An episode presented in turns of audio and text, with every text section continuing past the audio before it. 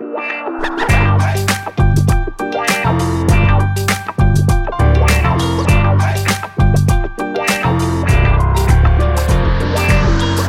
Hey, welkom bij een nieuwe aflevering van een podcast over voeding. In deze podcastserie gaan we in op de wetenschap achter voeding en laten we wetenschappers aan het woord over allerlei thema's die met voeding te maken hebben. Bart Mol van uh, I'm a Foodie is er natuurlijk ook weer gewoon bij. Hoi Bart. Hey Arnoud, goedemorgen, ik ben er weer. De, uh, woensdagochtend is het, dus dat is weer mooi. Dan weer een, uh, een broodje Jaap, hè, elke woensdag. Een broodje Jaap, zeker. Dus Jaap Seidel is er ook. Hoi Jaap. Ik ben er ook weer bij, ja. En uh, Broodje Jaap is natuurlijk onze rubriek waarin we een actualiteit doornemen met Jaap. En dat doen we in ongeveer een kwartier, 20 minuten, 25 minuten. We zien het wel. Ja. Um, en dat doen we dus elke week opnieuw, op woensdag. En deze keer dus ook. En de actualiteit, Bart, deze keer is, uh, is echt actueel. Want het ging over een bericht van de, van de Lidl, de supermarktketen. Die stopt met de import van groente en fruit per vliegtuig. Um, en dat is natuurlijk iets waar we het met Jaap gelijk over willen hebben. Jaap, is, ja. wacht, laat ik het open vragen. Wat denk je van deze stap? Ja, het uh, past denk ik wel in het uh, algemene beleid dat du supermarkten duurzamer en gezonder willen worden. Hè, dat hebben ze ook beloofd en afgesproken in allerlei soorten akkoorden. En je hebt naast het preventieakkoord heb je nog een heleboel andere uh, klimaatachtige akkoorden.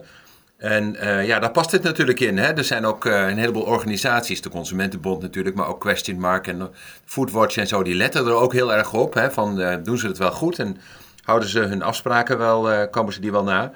dus ja, supermarkten moeten ze nu dan echt ook wat laten zien. dus daar past dat heel goed bij. Maar... En elke stap is een goede stap. Okay. Maar ja, je moet het altijd wel even kritisch ook bekijken. Dus dat gaan we wel even doen nu. Ja, want een van de dingen toen ik het las die mij opviel was... Ja, eigenlijk halen we bijna al ons groente en fruit uit Nederland... en dat komt dus helemaal niet per vliegtuig. Uh, was dat ook wat nee. je dacht? Ja, ik heb geprobeerd ook die cijfers na te zoeken, maar uit die uh, uh, importdata blijkt dat ongeveer 1% van de groente en fruit die wij in de supermarkt ja, kopen, kunnen kopen, dat die per vliegtuig komen. Er okay. komt wel heel veel ook per boot en per, uh, denk maar aan bananen en dat soort dingen. Uh, en ook per uh, vrachtauto. Uh, dat is eigenlijk ook wel duurzaam. Um, en ehm, het, is niet, het is dus niet zoveel wat ingevlogen wordt. Het, het zijn sommige bessen, als ik, ik heb gisteren nog gekeken, hè, de blauwe bessen die komen nu uit Zuid-Afrika en zo, weet je, dat soort dingen. maar dat, dat, dat zachte fruit, wat je dus heel snel moet vervoeren, dat is natuurlijk lastig per boot. Helemaal uit Zuid-Afrika, helemaal. Maar het is dus maar een heel klein gedeelte. Uh, en bovendien zijn ze ook niet de eerste, want het blijkt dat wanneer je een beetje rondneust op internet, dat uh, Plus en Coop al jaren niet meer ingevlogen groente en fruit uh, verkopen. Ah. en Albert Heijn gaat het nu ook doen. En Lidl in Zweden, die was al veel eerder dan, dan in Nederland. Dus het is een beetje, ja, je, je hebt natuurlijk een persmoment nodig.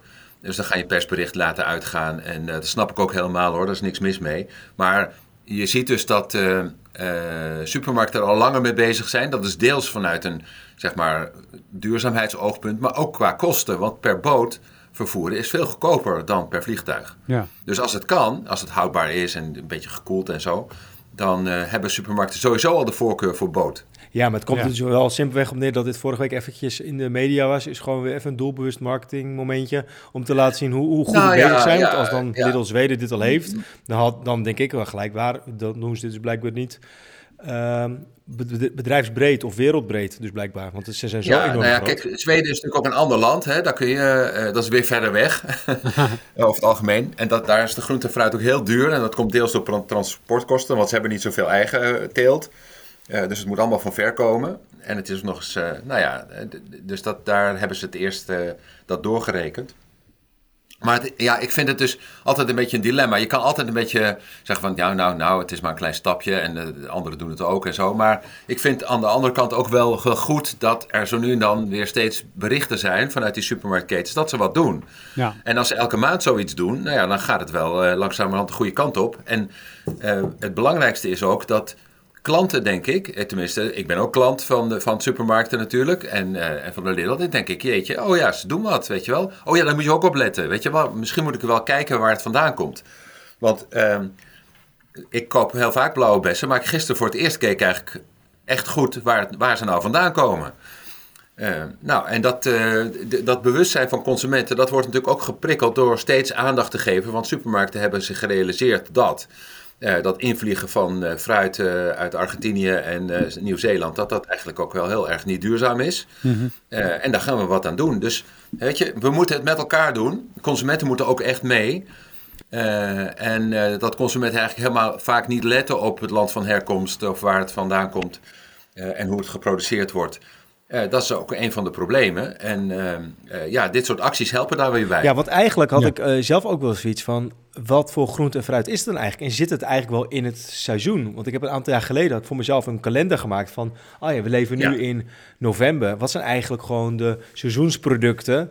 die je eigenlijk normaal bent om te eten in november? Want misschien is het wel compleet raar... dat je nu aan de, aard, de aardbei zit en de blauwbes... omdat je zegt, ja, of aan de mandarijnen. Je bent op een gegeven moment gewend dat het er is. Terwijl ik voor me, ja, eerlijk gezegd weet ik dus eerlijk gezegd niet wanneer ik wat nou eigenlijk, ja, wat gewoon normaal is om in het seizoen te eten. Terwijl daarin zou je misschien ook al veel bewuster nee, nee, dat kunnen is, maken. Ja, dat is ook zo. En het is natuurlijk wel al, al heel lang een beetje door de war geraakt, zal ik maar zeggen. Hè. Normaal uh, had je peren en appels, die had je dan. Maar die worden natuurlijk nu ook heel lang uh, gekoeld bewaard. Je kunt het hele jaar door eten. Uh, maar datzelfde geldt voor dingen die je in de kast verbouwt en zo. Hè. Dus dat, we, maken, we maken natuurlijk ook microklimaten en zo. Mm uh, waardoor je ook het hele jaar door tomaten hebt in Nederland. Uh, ook als ze hier geproduceerd worden. Dus ja, maar uiteindelijk is het wel zo. Hè, ik, ik, zeg dat zelf ook altijd uh, wanneer mensen denken groente is altijd veel te duur en zo. Meestal is de seizoensgroente altijd heel goedkoop. Ja. Hè, dus dan wordt er heel veel geproduceerd, dan is het van dichtbij en die, dat moet snel op en zo. En dan is het allemaal in de aanbieding. Dus als je voldoende groente wil eten, dan zeg ik altijd maar als, probeer zoveel mogelijk de seizoensgroenten te eten. Dus boerenkool in de, in de winter en uh, veldsla in de, in het, in het, in de zomer. Uh, want dan krijg je de goedkoopste en de meest duurzame keuze vaak. Ja, en als uh, supermarkten nu echt duurzame keuzes willen maken, dus niet alleen voor de marketingmomentjes en de bewustwording, maar gewoon echt keuzes waarmee ze de meeste impact hebben op, uh, op duurzaamheid. Wat zouden ze dan moeten doen volgens jou? Ja, nou ja, kijk, ik, ik heb je al eerder verteld, ik zit bij zo'n organisatie uh, Question Mark. Die kijkt naar gezondheid van supermarkten en zo'n aanbod. Maar die kijkt ook naar duurzaamheid en dierenwelzijn en uh, mensenrechten en dat soort dingen. En er zijn dus heel veel zaken waar je, daar hebben ze criteria van hoe goed doen supermarkten het nou aan, aan wat betreft duurzaamheid. En dan, ja, dan gaat het eigenlijk om het stimuleren van plantaardig voedsel en het terugdringen van zeg maar, dierlijke producten. Uh, dat is één ding. De andere kant is zeg maar duurzame landbouw, dus meer biologisch en zo wordt dat dan gepromoot. Daar zijn ook afspraken over landelijk gemaakt. En dan heb je het over verpakkingen, hè, al dat plastic enzovoorts. Uh, wat soms wel duurzaam is, hè, omdat het dan minder verspilt, en, maar niet altijd. Hè. Dus je moet daar even goed naar kijken. Verpakkingen is ook een ding. Mm visserij is ook zo'n aspect, hè, als het gaat om duurzaamheid. Dus dat, ja, er zijn allerlei criteria die je langs kunt lopen.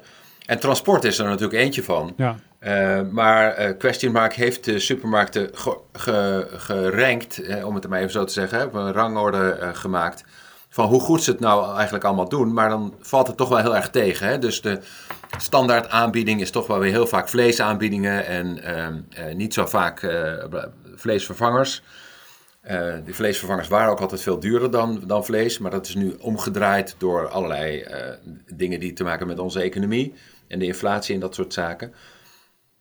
Uh, maar biologisch bijvoorbeeld, eh, ja, geloof maar 1% of zo van, uh, van het voedsel wat je kan kopen is biologisch. Dus dat is echt zo'n niche en dat is dan ook vaak heel duur. Uh, en datzelfde geldt ook voor de verpakkingen. Daar zijn nog eigenlijk heel weinig echt grote stappen in gemaakt. En dan heb je het ook over zaken zoals, ja, kijk je naar palmolie en kokos en soja en dat soort dingen. Want dat, dat heeft met ontbossing te maken. Mm Um, en daar letten supermarkten wel op als het om een eigen huismerk gaat, maar niet natuurlijk als het om die, al die andere merken gaat die heel veel palmolie verbruiken, hè, nu maar Nutella of zo. Um, en dat, uh, ja, dus er zijn, uh, als je echt grote stappen wil maken, moet je eigenlijk op al die terreinen, uh, moet je eigenlijk wat gaan doen. En supermarkten hebben zich daar ook aan verbonden. En dat heeft met al die klimaatakkoorden te maken. En er is ook nog een biodiversiteitsachtige afspraak. Ik moet al zeggen, het is een deltaplan biodiversiteit en het realisatieplan kringlooplandbouw. Dat moest ik even opzoeken. Maar daar hebben ze dus ja, zich aan verbonden. En hè, dus naast klimaatakkoord, preventieakkoord en dat soort zaken, ja, is de, heeft de supermarkt gewoon, omdat ze zo'n ontzettend dominante speler zijn in het voedselsysteem, hebben daar belangrijke afspraken voor gemaakt. En je ziet dat, ja, supermarkten dan vooral kijken van, ja, wat komt natuurlijk handig uit. Hè? Dus zoiets als vliegvervoer vervangen door boten, mhm. dat is ook nog goedkoper. Uh, dus misschien moeten we dat maar meer doen en dan maken we een persbericht maar bij. eventjes de advocaat van de duivel. Stel voor dat we over tien jaar vliegtuigen hebben over bepaalde afstanden die gaan met uh, accu's. Oftewel gewoon het elektrisch vliegen. Komt het dan weer heel, in heel ander daglicht te staan? Omdat het dan weer ja, uh, elektrisch vliegen versus een fossiele auto. Of althans, als je ja, die ontwikkeling moet geloven, dan kan het ook best zijn dat we over 30 jaar misschien helemaal geen fossiele aangedreven vrachtwagens hebben? Of is dat... Uh... Ja, als, als er geen fossiel brandstofgebruik is, dan wordt alles anders natuurlijk. Maar dat is voorlopig nog helemaal niet zo. Uh, dus dit zijn stappen die je nu moet zetten uh, om, om, uiteindelijk te komen. En ik heb geen idee waar die accu's van die vliegtuigen dan op worden opgeladen. Uh, als dat weer kolencentrales zijn, zoals nu heel vaak het geval, ja, dan schiet je natuurlijk nog niet zoveel op. Dus als, er, als we grootschalig overgaan naar kernenergie of wat dan ook, ja, dan wordt, wordt alles natuurlijk een beetje anders als je klimaatverandering hebt. Waardoor we hier ook sinaasappels en, en bananen gewoon uh, kunnen telen. En er een, op de Noordkaap druiventeelt is en wijnbouw. Ja, dat kan natuurlijk allemaal wel. Maar we hebben nu een urgent probleem. Dus ik denk dat het heel goed is dat supermarkten nu kijken waar kun je de grote klappen maken. En dan gaan die eigenlijk vooral over het, uh, ja, die eiwittransitie hè, van dierlijk naar plantaardig. Uh, dan gaat het ook over verpakkingen, het gaat ook over ontbossing en, en uh, dat, dat soort zaken. Dat zijn de grote klimaatdingen waar supermarkten wat aan kunnen doen. En eigenlijk is die, dus niet om het weer te bagatelliseren, want het is een mooie stap, maar dat die 1% tra transport van fruit en groenten die nu per vliegtuig gaan, is maar een heel klein druppeltje op die gloeiende plaat. Ja. Maar, wel een belangrijke. Dus het is symbolisch natuurlijk wel weer belangrijk dat uh, supermarkten wat doen. Maar stel je voor uh, dat, uh, dat er over een paar jaar een echt duurzame supermarkt is en je komt daar binnen. Wat zie je dan? Wat is er anders ten opzichte van een nou gewone ja, kijk, supermarkt? ik, ik, ik ga geen reclame maken eigenlijk, hè, maar ik, ik lees eigenlijk gewoon dat rapport van Question Mark op duurzaamheid dan krijg je zoiets als Ecoplaza, om het zo maar even te noemen. Die hebben mhm. grotendeels biologisch. Die zorgen ervoor voor herkomst en voor biodiversiteit en milieu en, en klimaat. Die zijn niet perfect, maar die, uh, die zijn al een heel eind die richting op. Maar die is natuurlijk nu gruwelijk duur. En voor mensen met een laag inkomen, ga, ga, ja, mensen die gaan niet naar de Ecoplaza. Uh, maar uh, ja, zo, zoiets wordt het dan. Hè? dus een beetje de uh, P. Pastinakelwinkel heette dat vroeger in de Wageningen toen ik studeerde. Daar had je al zo'n reformachtige zaak. Die had alleen maar lokaal wormstekige appeltjes en biologische producten. Uh, en daar, daar, kocht ik ook altijd al mijn groenten, want ja, iedereen in Wageningen was vroeger al vegetarisch en veganistisch enzovoort. Mm. En dat, ja, dat soort winkeltjes, en een bepaalde sfeer had dat ook natuurlijk. veel truien en klompen en zo. hadden we toen nog. Maar goed, nee, dus, dat, dat was dus in de jaren zeventig een heel klein groepje. En dat wordt geleidelijk aan mainstream. Want als je nu kijkt naar ja, vleesvervangers, uh, biologische producten en zo. En je kijkt hoe snel dat gegaan is de afgelopen vijf à tien jaar. Ja, dat is wel gigantisch. Hè? Dus ze zijn dus geleidelijk aan bezig. Ook al zijn die stapjes zoals kijken naar transport en verpakkingen enzovoort maar kleine. Uh, ja, zijn ze toch bezig met een grote omwenteling. En die is nog lang niet ver genoeg, want uh, Question Mark geeft bijna iedereen een onvoldoende nog. Ja. Op één of twee na. Maar geleidelijk aan gaat het wel die kant op. En ik zag, laatst was ik in Parijs voor een bijeenkomst van, van kankeronderzoekers. Maar dan ging, het, ging ik ook naar de supermarkt. En dan had je dus alleen nog maar losse verkoop van bonen en dat soort dingen. Net zoals vroeger. Je, je, je neemt er zelf een zakje mee of een Mhm. En daar, weeg, hè, daar schep je het in en je neemt het mee naar huis. Ja, al dat soort zaken die zijn geleidelijk aan maken die dat de supermarkt er steeds anders uit gaat zien. Ja, maar zijn dat soort dingen die, die, die Ecoplaza nu doet, zijn die schaalbaar, zijn die haalbaar voor de, voor de, voor de reguliere ja, supermarkten? Kijk, dingen worden betaalbaar en schaalbaar, want betaalbaar is ook belangrijk. Ja. Uh, wanneer er meer mensen dat gaan doen. Weet je wel, als er meer vraag is en er is meer uh, aanbod en er wordt veel meer op ingezet en er zijn subsidieregelingen van de overheid. En wat nogmaals, ik heb dat vaker gezegd, maar heel veel van de redenen waarom vlees zo goedkoop is, bijvoorbeeld, heeft te maken met landelijke regelingen, met EU-regelingen, met allerlei ja, gunstige, hè, de, de, de Common Agricultural Policy, maar ook het landbouwbeleid in Nederland stimuleerde heel lang echt ook niet duurzame landbouw. Mhm. en als je dat gaat veranderen en zegt dat wordt, dat wordt duur, we, gaan dat, we gaan vooral de biologische landbouw en subsidiëren, dan wordt het grootschaliger en dan wordt het aanbod groter en de prijs lager en dan kunnen meer mensen het kopen. Maar dan loop je toch uh, tegen het probleem aan, want als iedereen alle groenten en fruit uit Nederland wil halen. Ja, nee, dat is natuurlijk zo. Kijk, het is niet zo dat. Uh, en dat hoeft ook helemaal niet, hè? Maar het gaat om de transitie. Hè? Dus dat je geleidelijk aan een, een, transitie krijgt naar die, die eiwittransitie hè? van 60 mm naar 60-40. Nou, nog maar 60% uh, dierlijk en 40% plantaardig en dan liefst andersom. Uh, ja, dat zijn geleidelijke stappen. Dat wil niet zeggen dat we allemaal veganistisch worden. En dat wil ook niet zeggen dat je alleen maar lokale producten eet. Maar dat je wel veel meer lokale producten eet. Bijvoorbeeld seizoensgroenten en seizoensfruit. En dat dat lokaal wordt geproduceerd. En dat je ook het afval of het wat niet verwerkt wordt weer kunt terugpompen in het systeem. En dat is die kringlooplandbouw of circulaire uh, landbouw. Uh, ja, dat zijn toch wel dingen waarvan we op de lange termijn zeggen. Het is heel raar dat wij uh, 98% van het voedsel wat hier verbouwd wordt en, de, en het vlees wat hier geproduceerd wordt, dat we dat exporteren. En dat we dan van heel ver weg ook weer allerlei producten, ook ongeveer 90% van wat we eten, wordt geïmporteerd. Ja. Dat zijn rare situaties en die kan je natuurlijk geleidelijk aan, kan je die uh, heel veel duurzamer en gezonder maken. Uh, en dat wil niet zeggen dat je dus alles uit Nederland moet eten, want dat kan ook niet. Nederland kan niet zelfvoorzienend zijn in. Uh, maar je, hè, zoals het nu al gebeurt, heel veel krijgen we uit België en Duitsland en Frankrijk en dat soort dingen. Dat is niet zo ver, dat kun je gewoon met de vrachtauto uh, vervoeren. En als die elektrisch rijdt, Bart, dan is het helemaal oké. Mhm. Maar ik heb ehm, bij VZ wel eens gezeten, hè, dat is de Verenigde Zuurkoolfabrieken. Dat zijn de grootste groenteverwerkers in Nederland. Dat zijn gigantische fabrieken in Noord-Holland. Echt enorme oppervlaktes waarin uh, van alles wordt gemaakt. En daar, ja, daar rijden dus allemaal vrachtwagens af en aan met tomaten uit Spanje en, en, dat soort dingen. En dat is duurzamer dan zelf tomaten kweken in Nederland in een kas. Weet je, dat, ook dat kan weer anders als, als, als je zonnepanelen hebt en aardwarmte en al dat soort dingen. Maar geleidelijk aan beginnen die dingen dus allemaal te schuiven. En ehm, ja, kun je dus denken over een, uh, een veel meer op lokaal seizoensgebonden uh, eetpatroon, wat veel meer ook basisproducten heeft en veel minder bewerkt. Ja, dat is uiteindelijk gaat dat.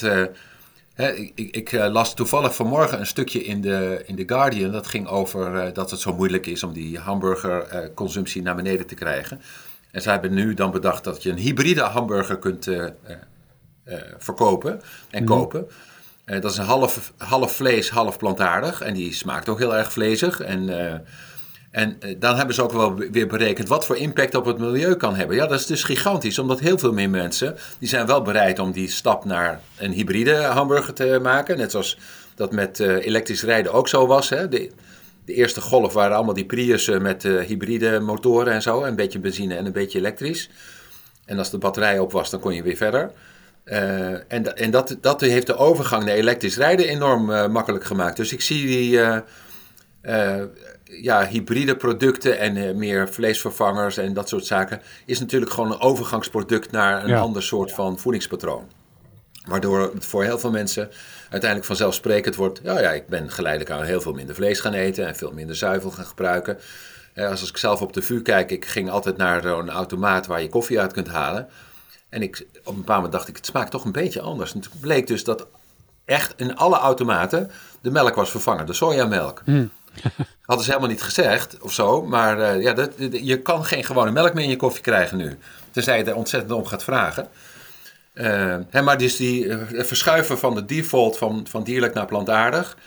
Uh, opletten op, op ontbossing en verpakkingen en transport en, en al, al, dat soort zaken. Ja, dat zijn dus belangrijke stappen die geleidelijk aanmaken dat ons voedselsysteem duurzamer en gezonder wordt.